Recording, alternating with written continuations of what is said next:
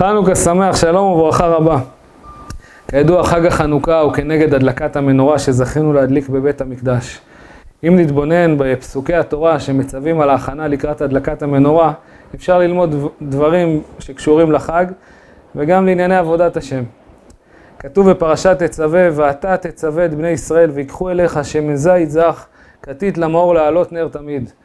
משה רבנו הוא המצווה, ידוע מה שכתוב בספרי החסידות, שמשה רבנו כל כך זכה להתקשר בהשם יתברך, עד שהוא בעצמו היה המצווה. והשם שלו לא מוזכר בפרשה, כי הוא בעצמו ציווה. ככה חשמונאים כל כך מסרו נפשם והתבטלו לקדוש ברוך הוא, עד שהקדוש ברוך הוא פעל דרכם. ויקחו, העניין של הלקיחה זה הקשר העמוק, העמוק לקדוש ברוך הוא, כמו שכתוב בגמרא במסכת קידושין, ייקח איש אישה, שהקידושין נעשים על ידי לקיחה. לקיחה זה בעצם שאנחנו לוקחים את עצמנו ומתקשרים בהשם יתברך בקשר של נישואין, קשר של ברית של קיימא. אליך זה מדבר על כל כללות עבודת השם, שכללות עבודת השם היא עושה תענוג למעלה, מגיע עמוק עמוק, כמו שכתוב במדרש, בוא ואר לפניי, כביכול מאירים את הדרך לקדוש ברוך הוא להגיע עד אלינו. שמן זית זה מבטא את כל תהליך של העבודה. הזית הוא מר, אבל השמן הוא מתוק, השמן הוא נעלם.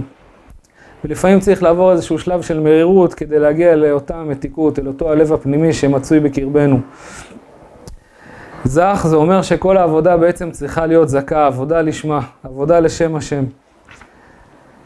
כתית זה אומר שצריך כל החיים לחפש פנימה, לחפש את הנשמה, עד שמגיעים אל הנשמה שפורצת, כמו אחד שמכה בסלע, עד שבסוף המים מתגברים מאליהם.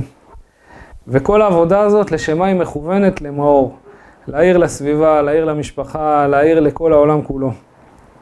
ומגמת העבודה היא מגמה של עלייה, להעלות, להעלות את הנר, את הנפש והרוח, את הנשמה.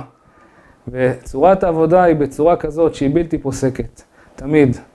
נזכה בעזרת השם לכל הבחינות האלה של עבודת השם בחנוכה, חג שמח.